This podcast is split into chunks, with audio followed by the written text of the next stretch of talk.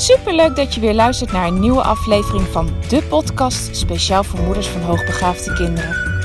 Mijn naam is Eveline Noordzij en in deze podcast deel ik tips en inspiratie, zodat jij meer en meer in jezelf gaat geloven en durft te vertrouwen op je intuïtie.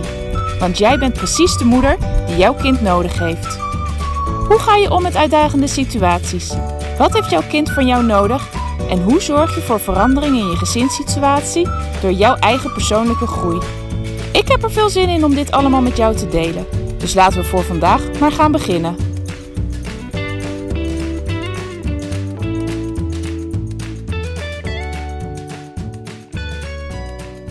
Hey, leuk dat je weer luistert naar een nieuwe podcast.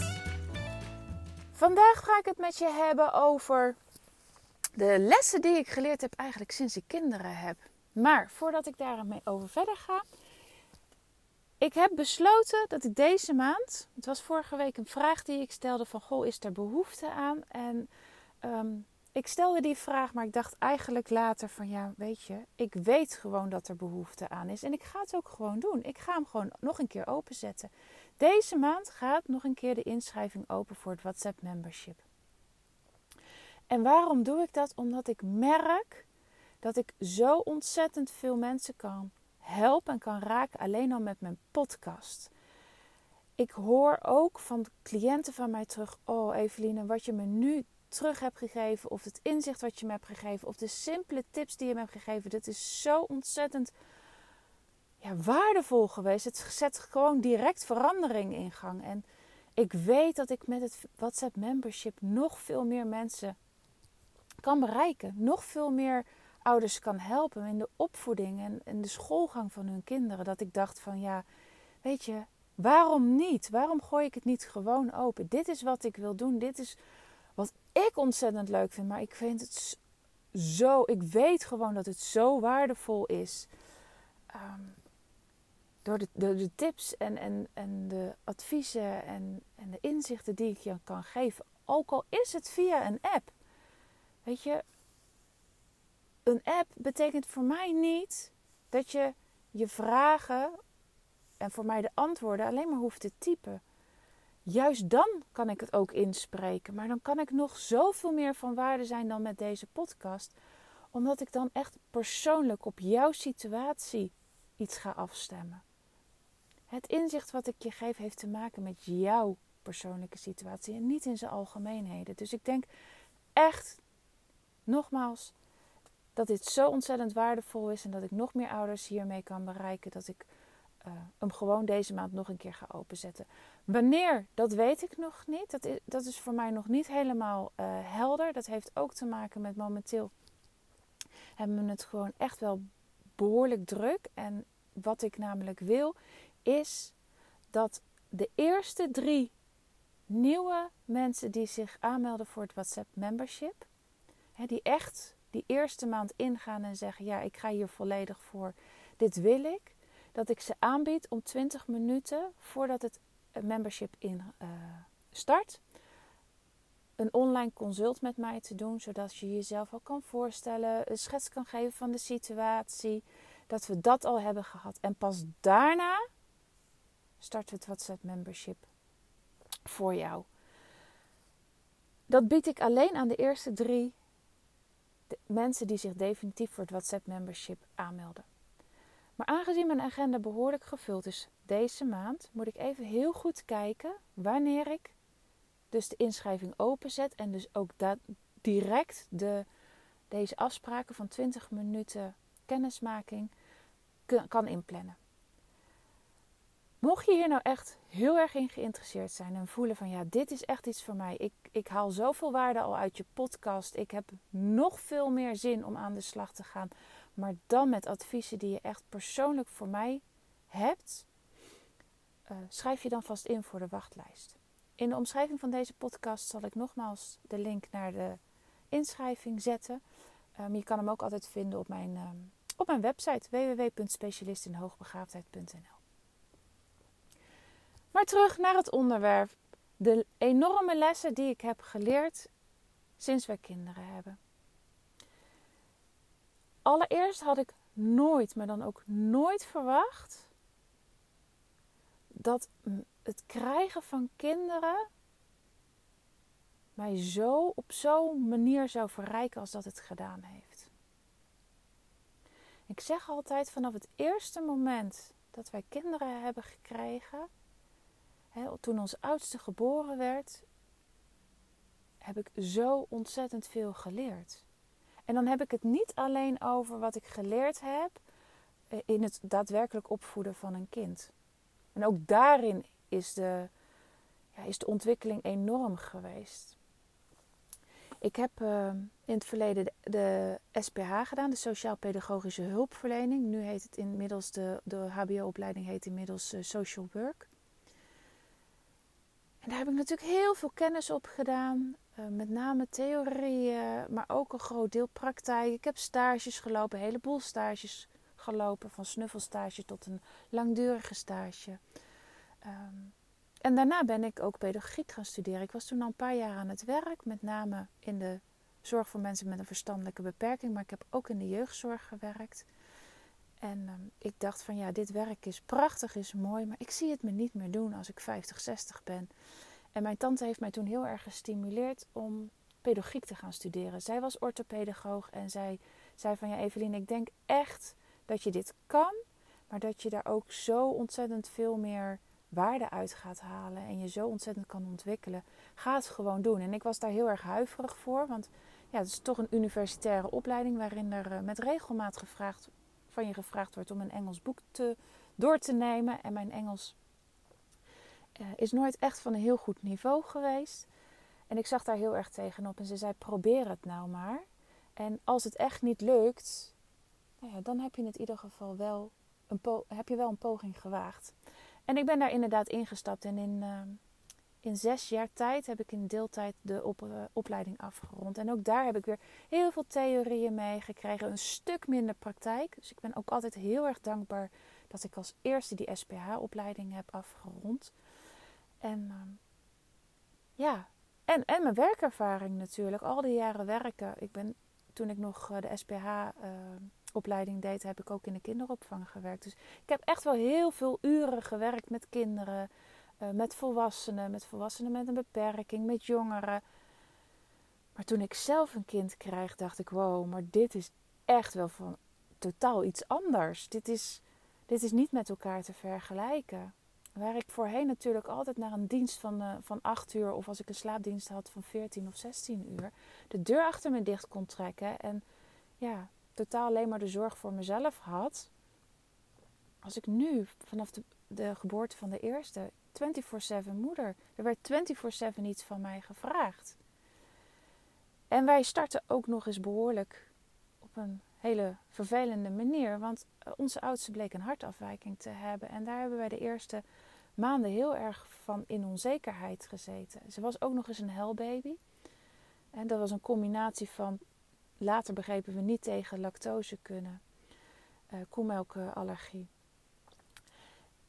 En ook uh, het niet voldoende voeding binnenkrijgen omdat ze de kracht niet had uh, om uit mijn borst te drinken.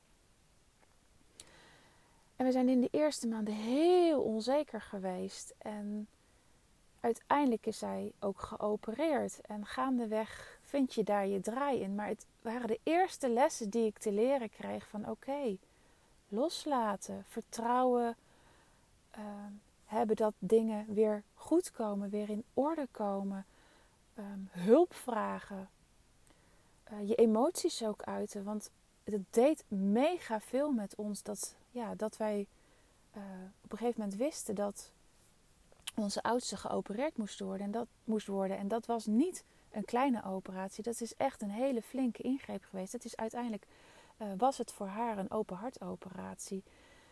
Um,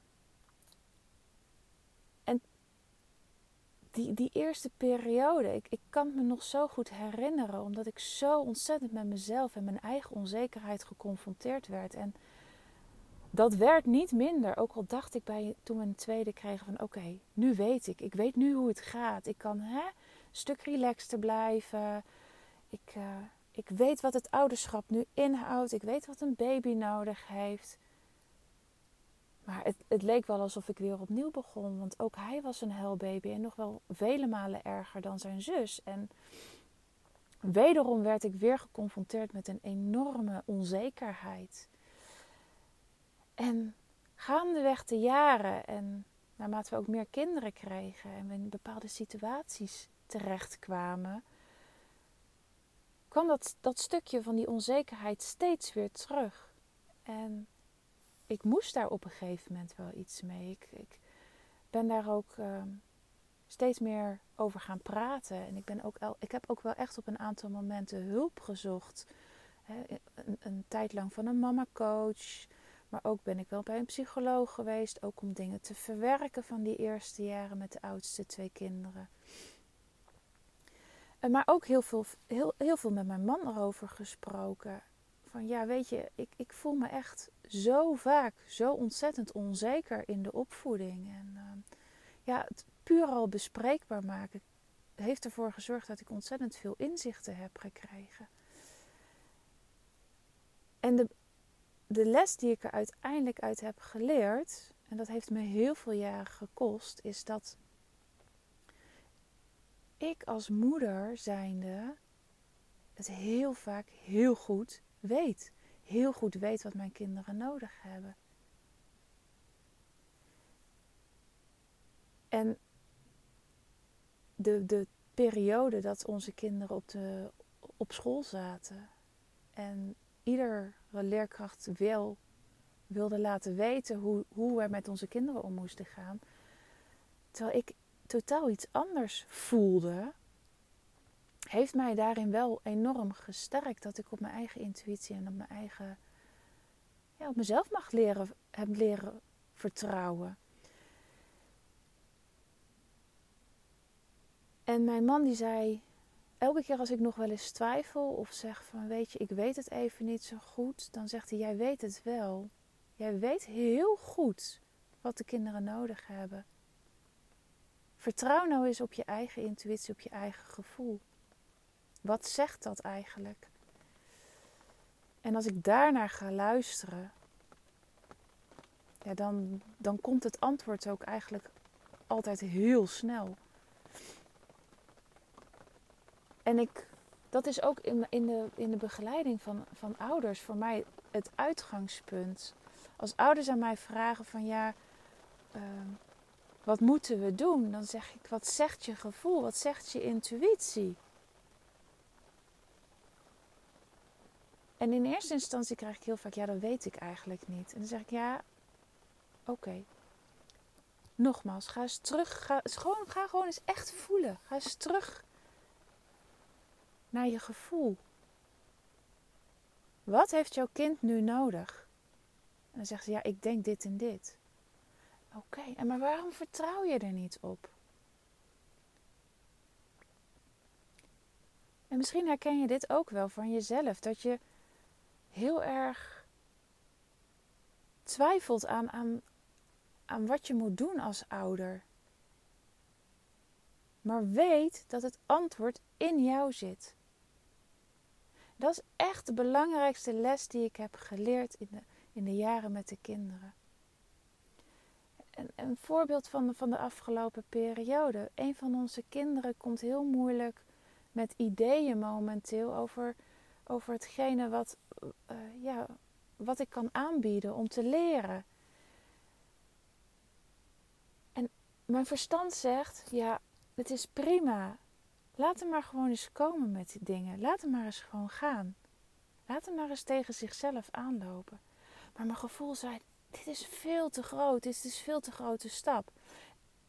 En ja, ik vergis me soms ook nog dat ik mijn verstand boven mijn gevoel laat gaan. Dus dat heb ik in deze ook gedaan. En het ging van kwaad tot erger. En het gedrag werd echt zodanig dat ik dacht: dit gaat, dit gaat verkeerd lopen. Dit, dit is niet oké. En toen ben ik weer teruggegaan. Maar wat zegt mijn gevoel nou eigenlijk? Mijn gevoel zegt dat deze stap veel te groot is.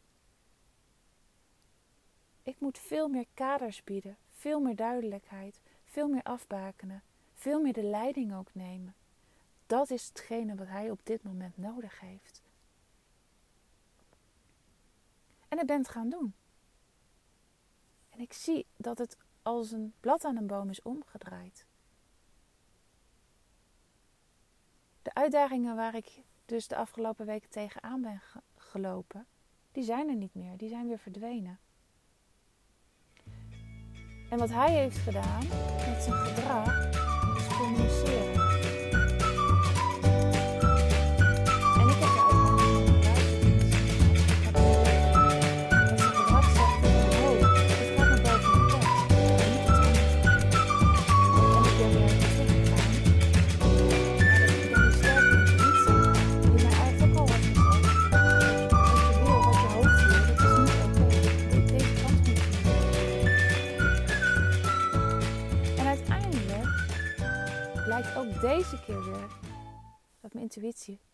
zat. En dat ik daarop mag vertrouwen. En deze les hoop ik echt dat je kan horen en dat je ook jezelf toestaat om vanuit je intuïtie, vanuit je gevoel te gaan werken met je kinderen. Ik vind deze zin altijd heel mooi. Volg je hart, het klopt altijd. Vind ik zo'n prachtige zin, want het geeft zo de kern aan van wat ik je vandaag probeer te vertellen, wat ik je wil meegeven. Ga vertrouwen op je gevoel, ga vertrouwen op je intuïtie.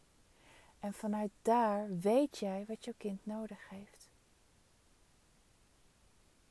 Nou, ik hoop dat je hier iets mee kan.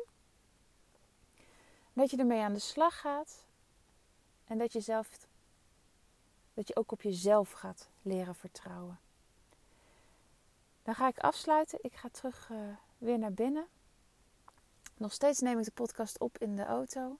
Ik mis mijn uh, rondje lopen echt enorm. Ik merk dat ik het daar zoveel beter op doe als ik dat s morgens even doe. Uh, maar ja, het is nou eenmaal niet anders. Ik ben daar straks heel even, nou, een paar minuten lopen naar de supermarkt gegaan. En ja, ik voel het direct als ik terug ben. Dan wordt het warm. En dan krijg ik meer last. Dus uh, ja, dat rondje lopen, hoe graag ik het ook zou willen, lukt nog even niet. Dus ik, uh, ik loop terug naar huis, ga met de kinderen lunchen en dan uh, spreek ik jou morgen weer. Hey, groetjes, doei doei!